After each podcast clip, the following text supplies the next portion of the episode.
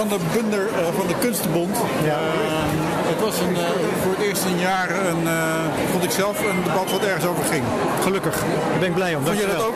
Ja, ik vond het, ik vond het om twee redenen. Ehm, in de eerste plaats vond ik de bijdrage van de sprekers heel erg goed. Er werden een paar prachtige redes gehouden die, die harde noten kraakten, ambivalentie blootlegden, um, ontroering opriepen. Dus dan denk ik van ja, dat is natuurlijk voor een debat altijd heel belangrijk dat de input sterk is. En vaak begin je ergens te praten en dan zweef je. Maar hier hadden we een hele mooie toespraak, dat is één. Waarvan ik denk, kijk nou eens hoe sterk de sector is. Hè? En, en, en dus ook meteen een, een, een signaal dat denken over de code dat dat zinvol is. Dat dat dingen oproept. Gedachten, uh, inderdaad ambivalenties, uh, goodwill, maar ook twijfels. En dat dat dus werkelijk iets is waar je over moet praten en kunt praten. Dat is één. Twee, wat er natuurlijk bloot komt te liggen, is de nood in de sector. Die komt er toch uit, gelukkig, met name bij de jongste generaties, de ZZP's, precariaat, als gevolg van ontstaan als gevolg van de, de vloeibaarheid van onze tijd. En die nood is hoog. Zelfs het woord als ik vraag, voelen jullie als ZZP'er rechteloosheid? Dan zeggen ze ja. Dat vind ik ongelooflijk ernstig, maar het wordt hier wel hardop gezegd. Waar ook werkgevers bij zijn. In combinatie met de noodzaak om mensen goed te belonen en te vertrouwen, denk ik dat dat, dat hier gezegd is. In een sfeer waarin het veilig genoeg is om het te zeggen. En in het verlangen om het te adresseren, denk ik van nou, dan mag je van een goed debat spreken. Uh, nou is er een van de dingen die, uh, waar bijna iedereen het over eens gaat zijn, eigenlijk lijkt op, VVD, D66, uh, werkgevers, SER, ja. de minister. Het aanbod moet omlaag. Ja, ja dus dat, dat doet pijn. Laten de dingen maar pijn doen. Maar dan hebben we het echt over 30, 40 procent, hè? Nou, dan is de pijn groot. Maar je kunt volgens mij beter die weg inslaan en kijken wat dan het antwoord is van de samenleving en de politiek, dan het te laten dragen door jonge mensen die uiteindelijk onze grote sterren moeten zijn. Want die zullen er dan niet zijn. Die gaan kapot. Mensen gaan vroeg kapot omdat de, de, ze, te dragen, ze dragen een te hoge last en dat doen ze voor zichzelf. Dus doe dat dan maar. Maar hoe gaan we dat doen dan? Koppig zijn protesteren, in actie komen. Dan heb je een soort actiebereidheid. Grappig dat Mariette Hamer dat zei. Actie, actie, actie. 40 jaar geleden. Daar wordt het weer tijd voor, denk ik. Omdat die nood zo hoog is. Weet je, en die pijn. En ik denk van nou, uh, laat maar zien. Ook bij de gemeente en ook in de hele samenleving. Dat er gewoon dan echt een heleboel gaat verdwijnen.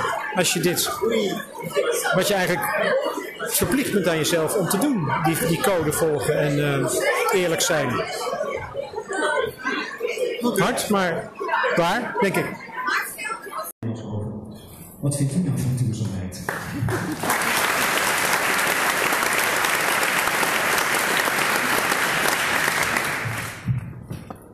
Best mensen, wat fijn om hier in uh, Paradiso uh, te staan. Dat is waar je altijd van droomt. Ooit in Paradiso. Um, en wat fijn dat het cultureel seizoen weer begint. En ik weet niet hoe dat u vergaat, maar dan krijg je in kranten die fantastische overzichten. Met wat kunt u het komende seizoen allemaal gaan zien. En bij mij gaat dat zo, dan ga ik daar aan mijn keukentafel mee zitten met een gele markeerstift. En dan ga ik markeren wat ik allemaal uh, denk graag te willen zien. Alleen in mijn huidige komt dan daarnaast mijn agenda. En dan zie je ik een uitdaging. Um, maar dan gaan we wel zoveel mogelijk van proberen te zien. Welke waarden domineren onze samenleving en hoe past een bloeiend cultureel klimaat daarin? De effecten van het heersend neoliberalisme op arbeid en inkomsten zijn onontkoombaar. Creativiteit en artisticiteit zijn ten prooi aan vloeibaarheid, om met Bouwman te spreken. Hoe gaat de kunst daarin overleven, maar ook wat heeft de kunst te bieden in dit klimaat? Zo luidde de uitnodiging aan mij om hier te komen spreken. En of ik dat zou willen doen in een column van maximaal 10 minuten. En, zo, en ja, of het dan ook nog zou kunnen gaan over het thema duurzaamheid en bestedelijkheid. Dus gaat u er maar even voor zitten. Hij kwam net al even langs, maar toch nog voor degenen van u die niet bekend zijn met het concept van de vloeibare samenleving. Het is een gedachte van de vorig jaar overleden socioloog Sigmund Bouwman. Hij stelde dat we nu in de fase zitten waarin alles vloeibaar is. Dat geldt zowel voor instituties als voor het leven van individuen. Niets staat vast, alles is voortdurend in verandering. En dat leidt volgens Bouwman enerzijds tot een desintegratie van het sociale leven en een teloorgang van de bestaande instituties. Maar het schept aan de andere kant ook wel weer een nieuwe orde, met nieuwe winnaars en verliezers. En u kunt zich het belang van het thema duurzaamheid dus wel voorstellen in die vloeibare samenleving. Want wat is in die vloeibare samenleving nog duur? In de zin van kostbaar. En wat betekent duur nog in de zin van tijd? Wat verdient het om zuinig op te zijn? Als alles toch voortdurend aan verandering onderhevig is. En wat is bestendig? Wat blijft nog? Bouwman heeft een heel oeuvre gewijd aan dit soort uh, vragen, dus u moet niet van mij verwachten dat ik in 10 minuten alle antwoorden heb. Maar het is wel de gelegenheid om hier in Paradiso tegenover u bij dit traditionele cultuurdebat, wat toch een hele mooie traditie is, er iets in mijn hoedanigheid als minister over te zetten.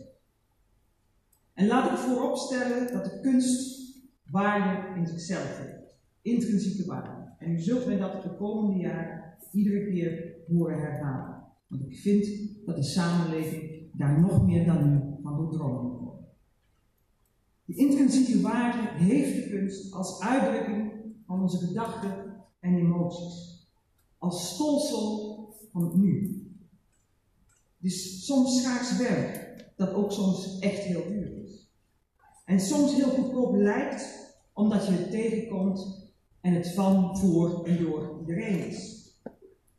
Terwijl het onbetaalbaar maatschappelijk belang is. Want kunst schudt op, confronteert en verbindt weer. Ook in die vloeibare samenleving. Juist misschien wel in die vloeibare samenleving. Omdat het ons de mogelijkheid geeft elkaar te raken, elkaar te ontroeren Zoals dat bij mij gebeurde bij het optreden dat ik bijwoonde hier in Carré van het Metropoolorkest, samen met de soloist op de serie Big Band. Erik Vloeimans was er ook bij. En ik hoor nog steeds in mijn oren de dialoog tussen twee klarinetten. Twee culturen die altijd de weg weten te vinden tot dialoog. Of toen ik die prachtige voorstelling van Romana Vrede zag, Who's Afraid of Charlie Stevens, die mij met mijn eigen ouderschap confronteerde. Of bij de tentoonstelling die ik zag in Bonnefante van de foto's van Robin de Puy die hij maakte van Randy. Wat een prachtige jongen is dat. Maar ook gisteravond toen ik in Brunsum was bij een voorstelling van toneelgroep Maastricht in de Emma. Waar ze mij confronteerden met de onzekerheid van een kwetsbare medewerkers die hoorden dat de fabriek ging verhuizen. Een onzekerheid waarvan ik misschien soms zeg van, ach, waar maak je je druk om? Maar, maar ik voelde in mijn maag even haar paniek. En dat is wat kunst ons geeft. Het vermogen om je even in die ander te verplaatsen. En ik kan nog even doorgaan, voorbeelden uh, te over. Maar er is dus alle reden om kunst in die vloeibare samenleving waardering te geven. Waardering die het verdient. En helaas moeten we vaststellen dat dat niet altijd gebeurt. Het belang dat we als samenleving hechten aan kunst is niet vanzelfsprekend. Dat hebben we een paar jaar geleden gezien. En we ondervinden daar nog steeds de gevolgen van. En de schade die is gedaan, kan ik niet in één keer helemaal onderdaan maken. Hoe graag ik dat ook zou willen. Maar wat ik wel kan doen, is de sector helpen om haar waarde te doen gelden. En dan heb ik het niet alleen over woorden, alhoewel die er ook toe doen. Maar ik doe ook op echte waardering. Op de extra miljoenen die het kabinet beschikbaar heeft gesteld. Maar ook dat gaat niet vanzelf. Het vraagt ook iets van de sector, van u. Dat u weerweegt en uw blik op de toekomst houdt. En dat betekent in de eerste plaats dat van u gevraagd wordt dat u openstaat voor nieuwe ontwikkelingen. U aan nieuwe generaties bindt. Met nieuwe genres en nieuwe vormen van cultuur. En dat betekent kortom dat u in uw kunst aansluit bij de diversiteit in onze samenleving, die vloeibare samenleving. Maar het betekent ook dat u zuinig bent op onze kunstenaars, hen goed behandelt en hen een eerlijke beloning geeft. Als dat niet gebeurt, is al het andere straks voor niets geweest. Want zonder publiek en zonder ruimte voor kunstenaars is er geen toekomst voor de sector. Het eerste, publiek voor de toekomst zoeken, moet u vooral zelf doen. U weet als geen ander hoe en waar dat publiek gevonden kan worden. En waar mogelijk zal ik u daarbij helpen. Bij het tweede, een eerlijke beloning, kan ik meer betekenen. We beginnen in 2019 met de loon- en prijsbijstelling voor de basisinfrastructuur en fondsenuitkering. Dat betekent 2,5% in 2019 erbij. Ook ga ik de sector helpen om de tijd naar de volgende subsidieperiode in 2021 te overbruggen. En helaas kan ik daar nu nog niet meer over zeggen dan dit, want dan moet ik wachten tot Prinsjesdag voor dat mag. Verder onderzoek ik de mogelijkheden om scholing in de sector te stimuleren en bekijk ik hoe ik u kan stimuleren en helpen om collectieve onderhandelingen de ruimte daarvoor te vergroten. Dat laatste ligt politiek ook best wel ingewikkeld, maar ik ga daar wel mijn best voor doen. En op iets langere termijn kijk ik of de Fair Practice Code voor de nieuwe periode vanaf 2021 een voorwaarde voor de subsidie. En we moeten met elkaar gaan uitzoeken hoe dat dan precies moet. En dat wil niet zeggen dat er tot die tijd niets gebeurt met de code, want die is volop in ontwikkeling. En ook bij de vertaling van het papier naar de praktijk worden nu al belangrijke stappen gezet, waardoor meer mensen loon naar werk krijgen. En ik vind het een groot compliment aan de sector waard dat zij dat op zo'n korte termijn voor elkaar hebben. En wat je ook ziet, is dat de code zijn schaduw al vooruitwerkt. Zo zijn in de meeste collegeakkoorden in de grote steden verwijzingen opgenomen naar die eerlijke beloning. En vaak wordt de code daar met naam en toenaam genoemd, en dat is winst. Beter bewijs dat het een werkbaar instrument kan worden, kan ik op dit moment niet hebben. En alle reden dus om gezamenlijk hier volop te blijven inzetten. Daar stel ik nu al wel één voorwaarde bij. De sociale partners moeten in 2019 afspraken maken over betere arbeidsvoorwaarden en een gezonde bedrijfsvoering. Over honorering, scholing en de financiering van sociale zekerheid. Ook bij opdrachten. Kortom, over beter loon naar werk. En dat beschouw ik ook echt als uw verantwoordelijkheid. Dat u bij de beslissingen die u neemt, denkt aan al die aspecten van de productie. Niet alleen aan de creatieve aspecten, maar ook aan de zakelijke. Ook aan die eerlijke beloning. En als dat gebeurt, kan ik bij de nieuwe subsidieperiode vanaf 2021 ook een substantiële bijdrage leveren. Beste mensen, ik keer terug naar die vloeibare samenleving van Sigmund Barland en het thema duurzaamheid. In die vloeibare samenleving wordt alles, waar alles voortdurend verandert, krijgt duurzaamheid extra betekenis. Juist in zo'n vloeibare samenleving moet je zuinig zijn op wat kostbaar is. Opdat het kan blijven voortbestaan. Dat geldt ook voor de kunst. En in het bijzonder voor hen die het maken, de kunstenaars. En laten we met z'n allen, laten we als samenleving daar heel zuinig op zijn. Dank u wel en ik wens u een heel fijn cultureel seizoen. Wat vertrouwen betekent. Marian Duff, dames en heren.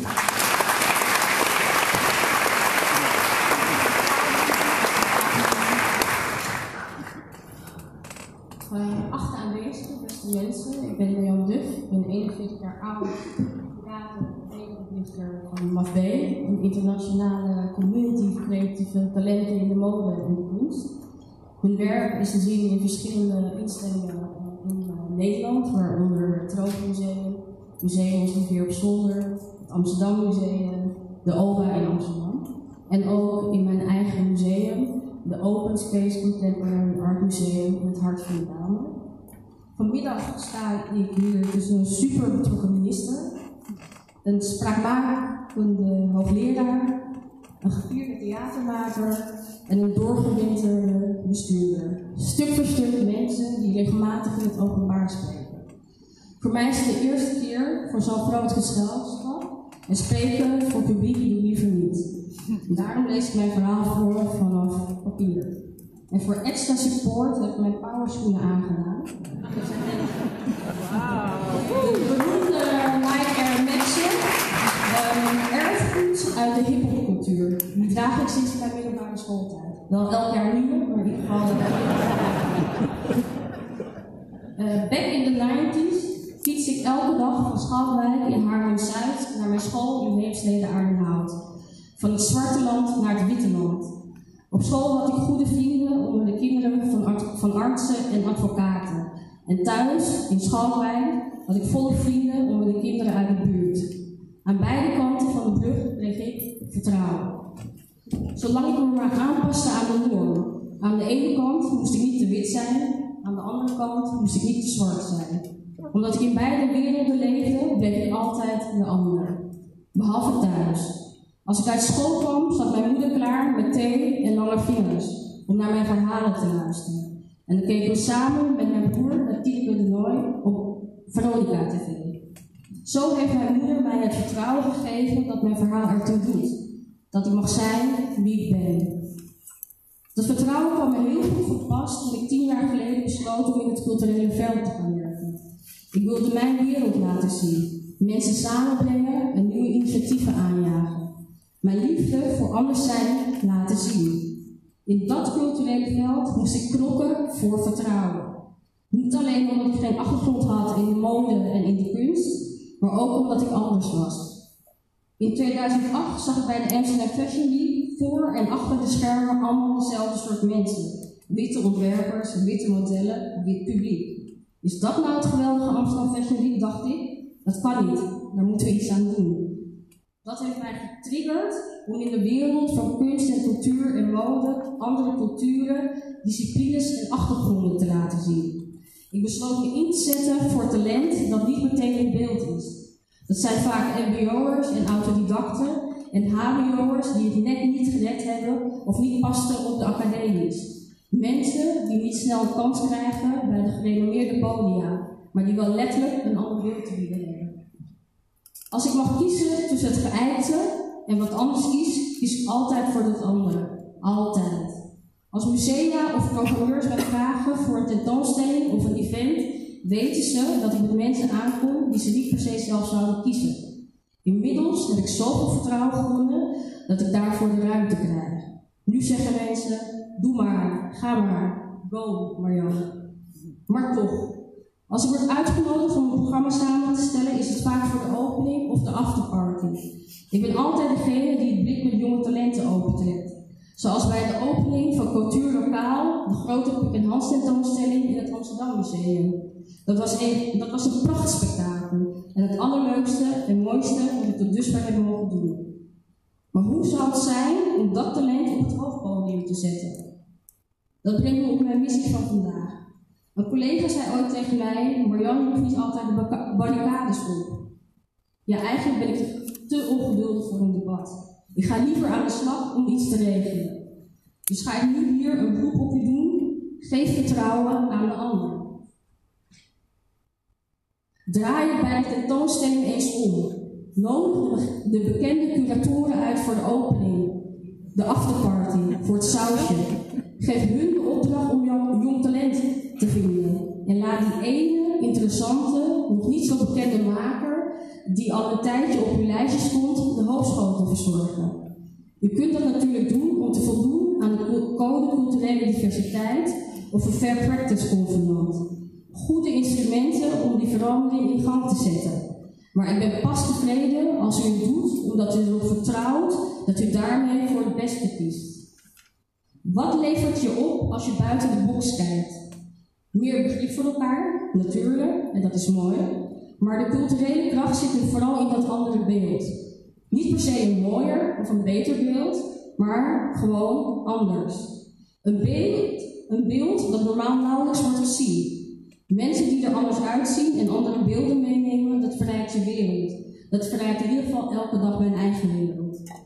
Overigens geef ik die jongmakers wel strakke kaders van wat er moet worden opgeleverd. Maar daarna laat ik ze los. Want ik vind dat ze het toch echt zelf moeten doen. Dat heb ik van mijn moeder, denk ik. Die stelde thuis de kaders voor 100.000 procent. Ik ben best streng Surinaams, Frans-Pianees opgevoed. Heel beschermend. Bij ons thuis ging om tien uur s'avonds de deur op slot voor mijn broer en mij. Van buitenaf. Want mijn moeder ging dan de nacht in, naar haar werk. Over sleutels gesproken. In mijn tas zitten de sleutels van de Open Space Contemporary Art Museum, mijn eigen museum in de Bijlmer. Maar ook de sleutels van het Amsterdam Museum en Museum Ons Rivier op Zolder.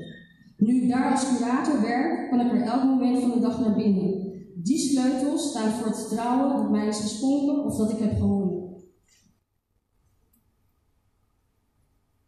Voor mij persoonlijk voelt dat als iets heel bijzonders. Niet zozeer omdat ik een kind ben van de Maruwijnenrivier met roots in Suriname en Frans-Guyana, maar omdat ik de dochter ben van die hoofdverpleegkundige die bijna 40 jaar nachtdiensten draaide, verschillende bijbanen had en haar twee kinderen alleen opvoedde. Mede dankzij die sterke moeder kan ik nu op deze belangrijke cultuurplekken ervoor zorgen dat de, verhaal, dat de verhalen van de anderen worden gehoord. Misschien ben ik zo'n beetje de mafbeenmoeder geworden met thee en lange vingers. Tot slot wil ik, wil ik graag iets met u afspreken. Als u door mijn verhaal geïnspireerd bent om de anderen vertrouwen te geven, laat het me dan weten. Stuur een mailtje naar vertrouwen.mafb.nl of kom straks even langs, dan maken we een afspraak om verder te praten. Dank voor uw aandacht, dank voor het vertrouwen.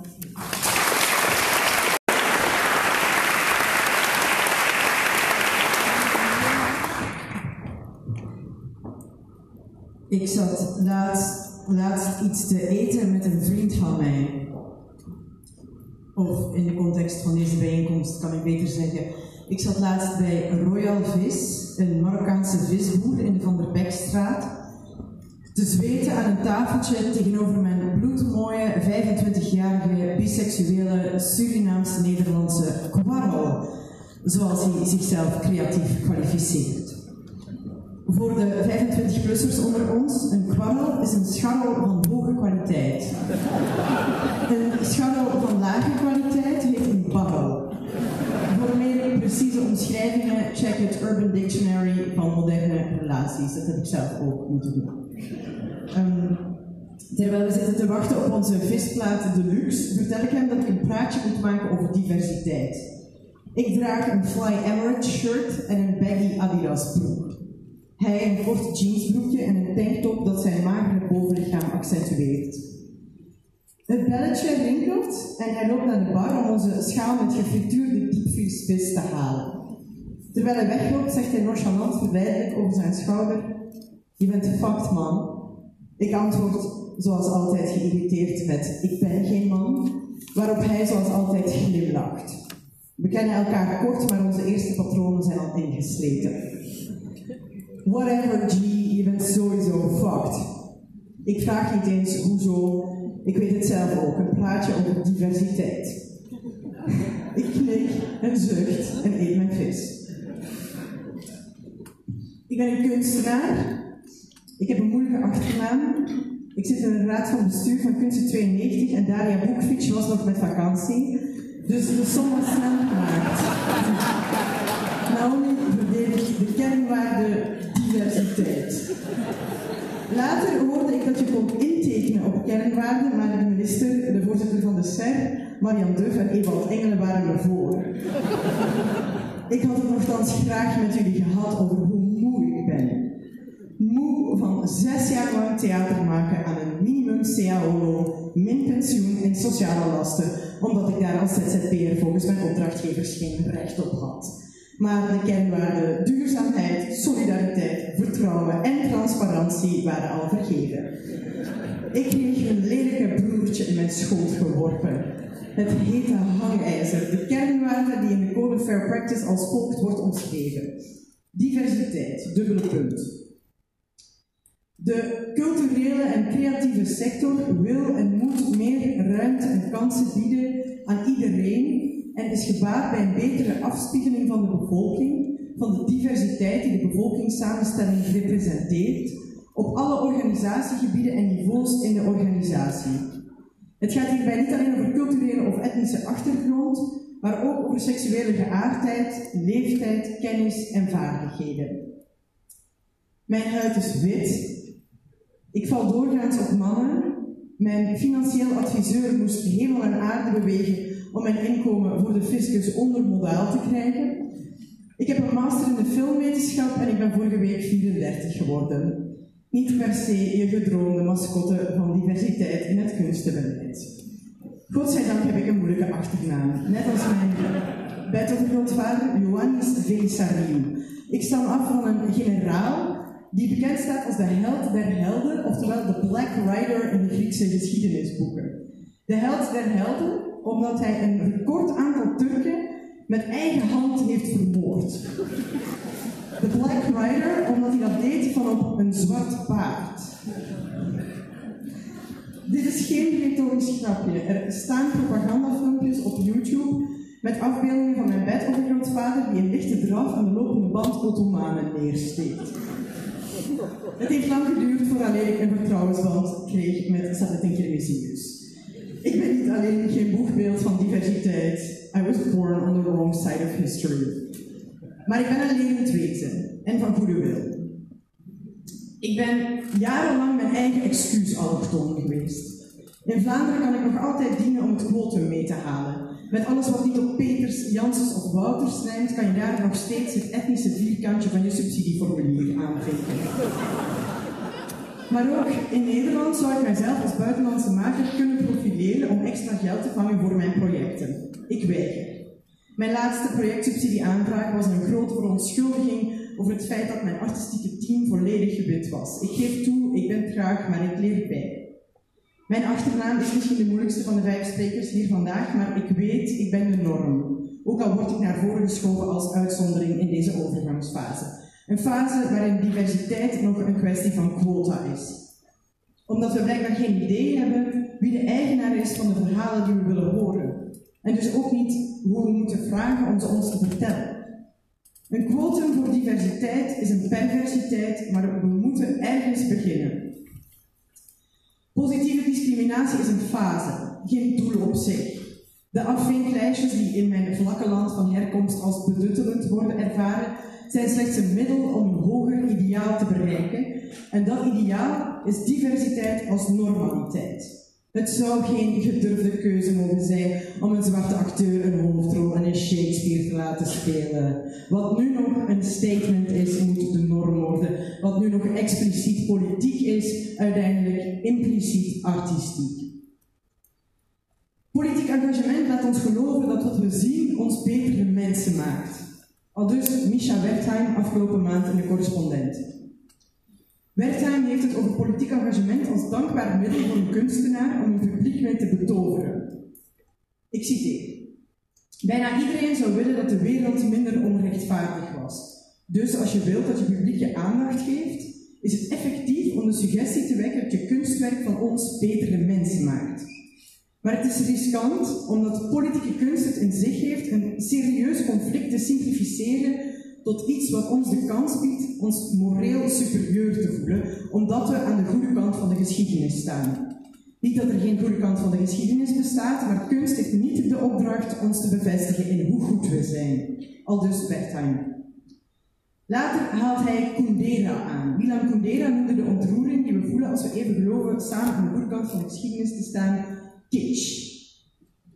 En precies op die manier is het feit dat ik hier vandaag over diversiteit sta te praten kitsch. Ik hier in deze context over spreek, maakt van diversiteit een fashion item voor linkse idealisten. Iets waar de culturele elite lekker over door kan filosoferen in hun concertzaal. Met een tapijt onder haar voeten en een sauvignon in de hand. Omdat ik het ben hoeven jullie niet bang te zijn om beschuldigd te worden van heteronormativiteit, xenofobie of racisme.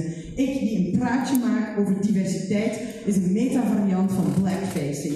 Ik approprieer een ontvoogdingsstrijd en maak er een gelegenheidskunstje van. Kijk mij eens open-minded zijn. Een zucht van opluchting gaat door de kamer. We stemmen links, we eten veggie, we klinken woke. We staan aan de goede kant van de geschiedenis van de meerderheid.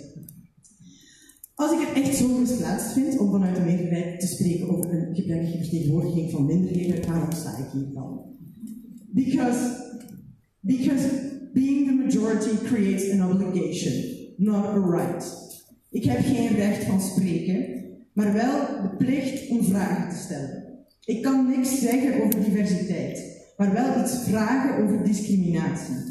Ik kan vragen aan iedereen die er het slachtoffer van is om mij uit te leggen hoe het voelt om als derde rangs burger behandeld te worden. Zoals wij als vrouw nog steeds moeten uitleggen hoe het is om te leven in een wereld waarin we geacht worden om structurele vernedering te beantwoorden met een goed gevoel voor humor. Hashtag MeToo! Maar in plaats van de woede over mijn eigen ontvolgingsstrijd de vrije loop te laten, keer ik nog even terug naar het thema van de dag, de Fair Practice Code. Wat er verder over diversiteit in staat, is het volgende. Men draagt gezamenlijk zorg voor de brede representatie in publiek, programma en personeel en in vertegenwoordigende organen of beleidsvossen door de code culturele diversiteit in de eigen organisatie en het veld uit te voeren en elkaar erop aan te spreken. Het laatste wat ik met dit antipraatje wil doen is vingerwijzen. Ik wijs niet, ik spreek aan. Ik spreek Kunsten 92 aan, een instelling die zich bezighoudt met beleidsvormende processen. Kunsten 92, een vertegenwoordigend orgaan waarvan ik zelf deel uitmaak. Ook wij zijn langzaam, maar we leren bij en we zijn van goede wil. Anne Breur's Fair Practice Code is een ongekend hoopvol initiatief. Ik sta hier vandaag als het levende bewijs dat het tijd is om een volgende stap te zetten. Tijd om dit formele voorstel inhoudelijk te maken en daarmee structureel. Of zoals de directeuren van de zes Rijkscultuurfondsen uh, en UNESCO afgelopen week beloofden in de NRC, we willen dat diversiteit een vanzelfsprekendheid is. Dat alle verhalen verteld worden en dat alle verhalen gehoord worden. Diversiteit is niet de uitzondering, maar de regel zelf. Dat is onze toekomst. Als diversiteit al regel was, dan stond hier geen Vlaamse in een broekbakje te fulmineren. Als diversiteit de regel was, kon ik er in deze context enkel over praten op voorwaarde dat Sylvana Simons de, voorzitter, de, de minister van OCMW was en Kelly van de Veer voorzitter van de SER. Dat was een staaltje sterke marketing geweest. Beter dan die foto van een kring gekleurde handen. Sorry, die kring is kitsch een preek voor de eigen parochie, een uitwas van ons sectorbrede marketingprobleem, de reden dat de zaal ook vandaag weer vol zit met voornamelijk mensen die op mij lijken. Ik, laat, ik haal mijn, mijn laatste ring calamari door de mayo en ik haal diep adem. Mijn kwarrel glimlacht nog steeds. Ik ben zo moe, zeg ik. Het is zo suf, zo saai om het elke keer hetzelfde te hebben. Ik snap het, zegt hij, en hij neemt de calamari uit mijn hand en stopt hem in zijn eigen mond. Het is vermoeiend, om onszelf en elkaar keer op keer te blijven ontmaskeren, maar het kader van ons eigen perspectief is wat we nu als meerderheid worden te doen. Tot zover mijn poging tot kadering. Nu ga ik zwijgen en luisteren. Luisteren naar de verhalen van de goede kant van de geschiedenis van de minderheid, verteld door degene van wie ze zijn. Dank u.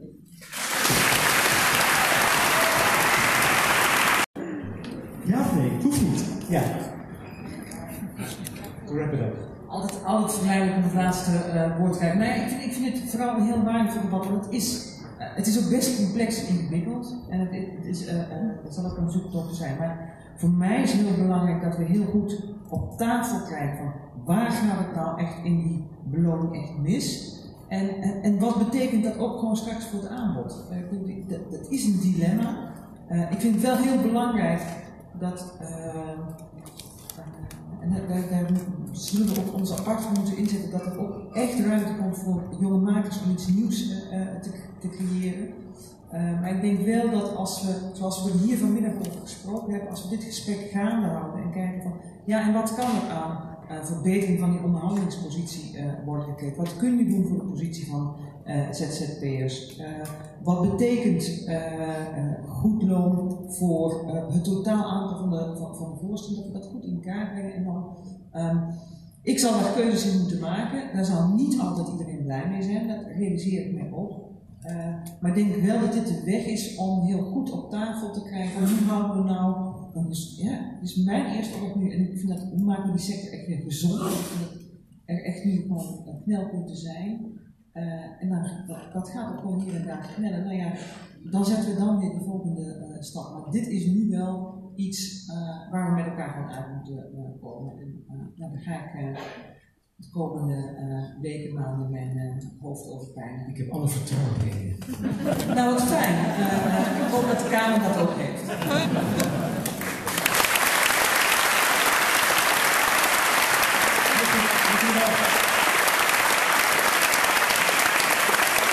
Het mogen duidelijk zijn dat we toegekomen aan de waarde van het Fair Practice Code voor de samenleving als geheel. Um, er is werk aan de winkel. Dit was het Paradiso-debat 2018. Het debat is begonnen. Dank je wel. Uh, Vero uh, van D66. Uh, wat vond je van het debat? Ik vond het een goed debat. Ik heb nu een paar Paradiso-debatten mogen doen. En ik merk dat we ieder jaar in de richting komen van nou ja, het, wat we eigenlijk willen. Uh, dus ik vind dat het ieder jaar zeg maar, een stap is in de goede richting. En wat is de goede richting? Ik vind het heel belangrijk dat het onderwerp arbeidsvoorwaarden, arbeidspositie van kunstenaars, van makers, dat het de aandacht krijgt die het verdient. Uh, die Fair Practice Code komt natuurlijk uit de sector zelf. En dat we vandaag het hele Paradiso-debat daaraan besteden, vind ik echt heel erg waardevol. En we zijn aan het einde ook al bezig geweest om het te concretiseren. Ja. En ik, ik vind dat terecht.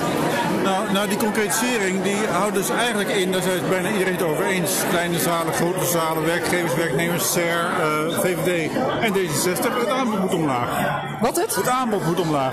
Nee, dat, dat zou een consequentie kunnen zijn, maar ja. dat is natuurlijk geen doel op zich. Nee. Maar het is een simpele redenering.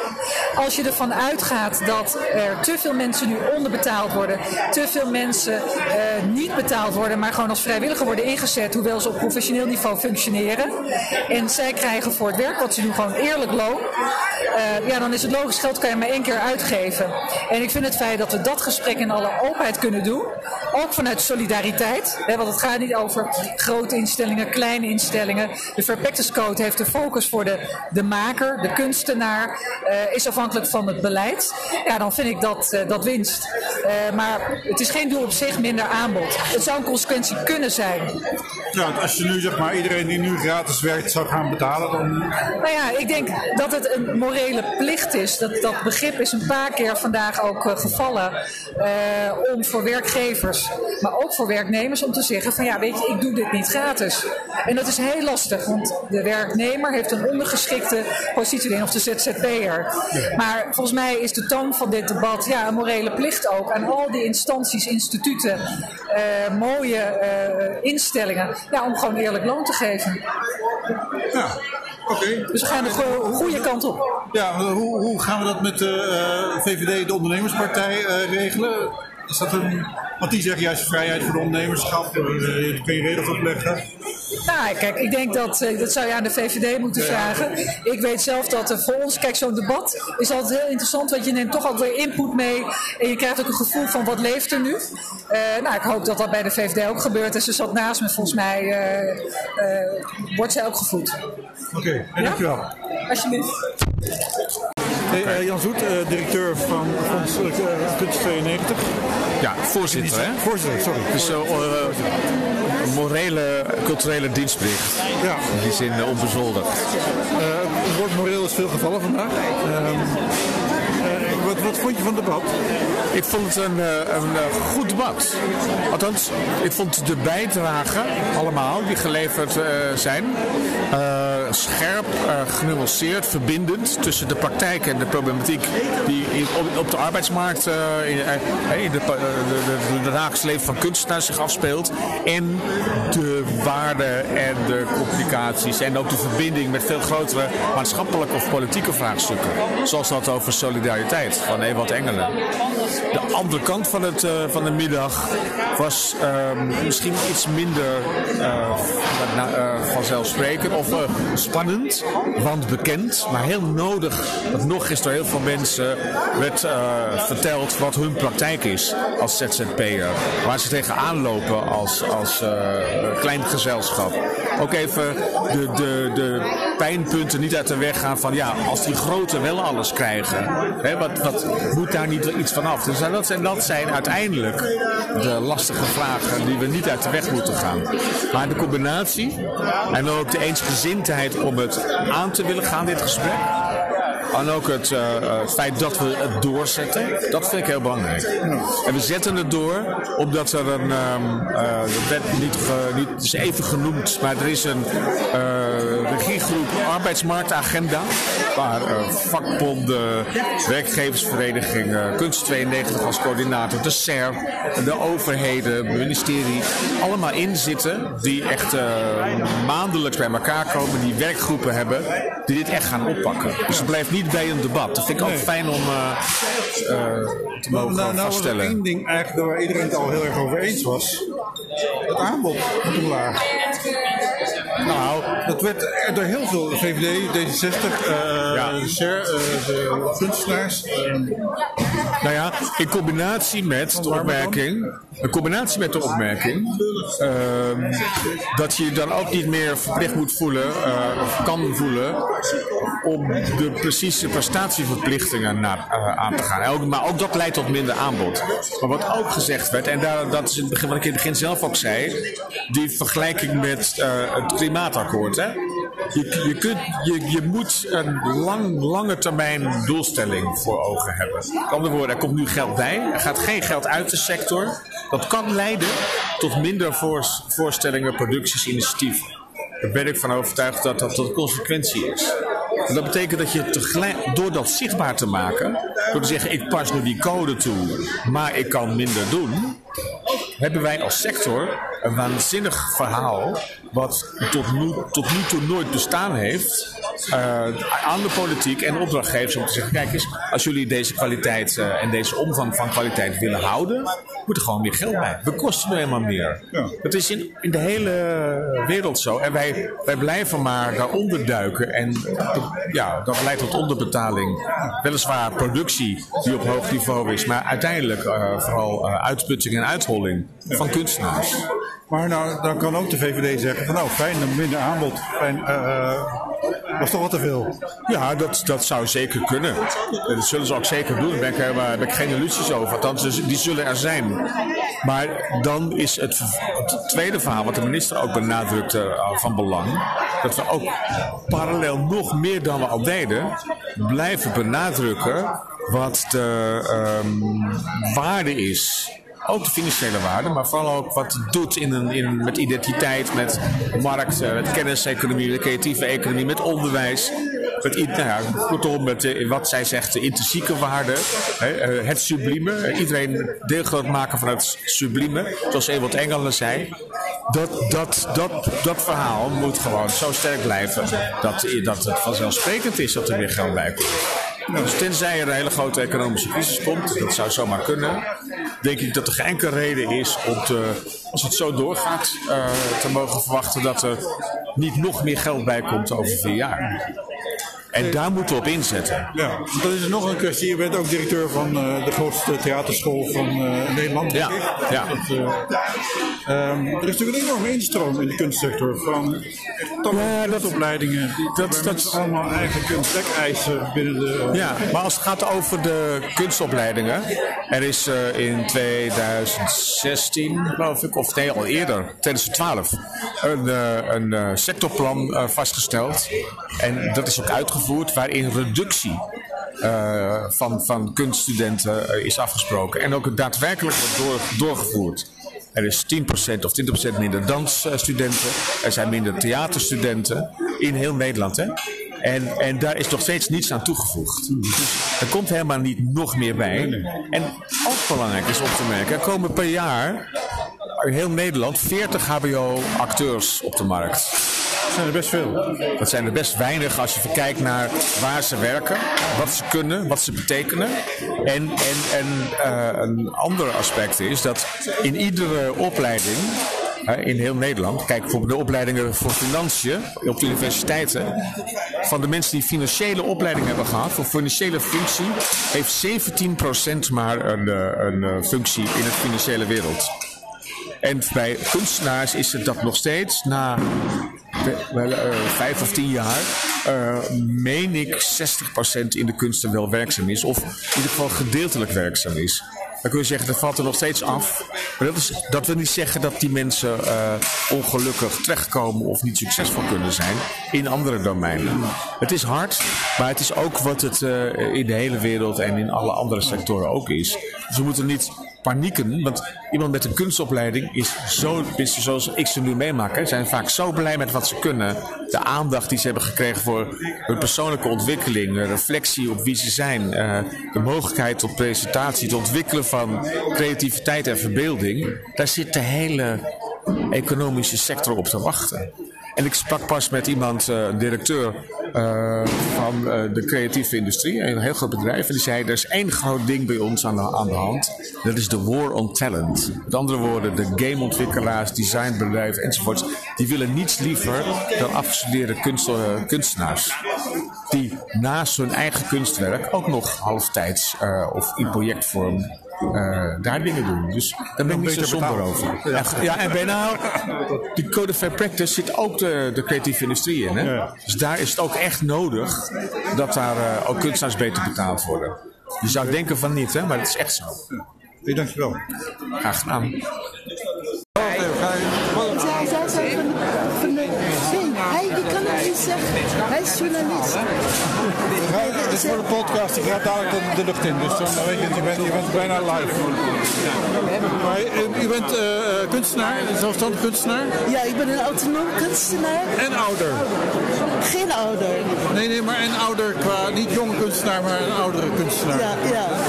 En u voelt zich niet gehoord, niet besproken? Wij zijn niet besproken. En uh, wat had er besproken moeten worden? Nou, het atelierbeleid in de steden.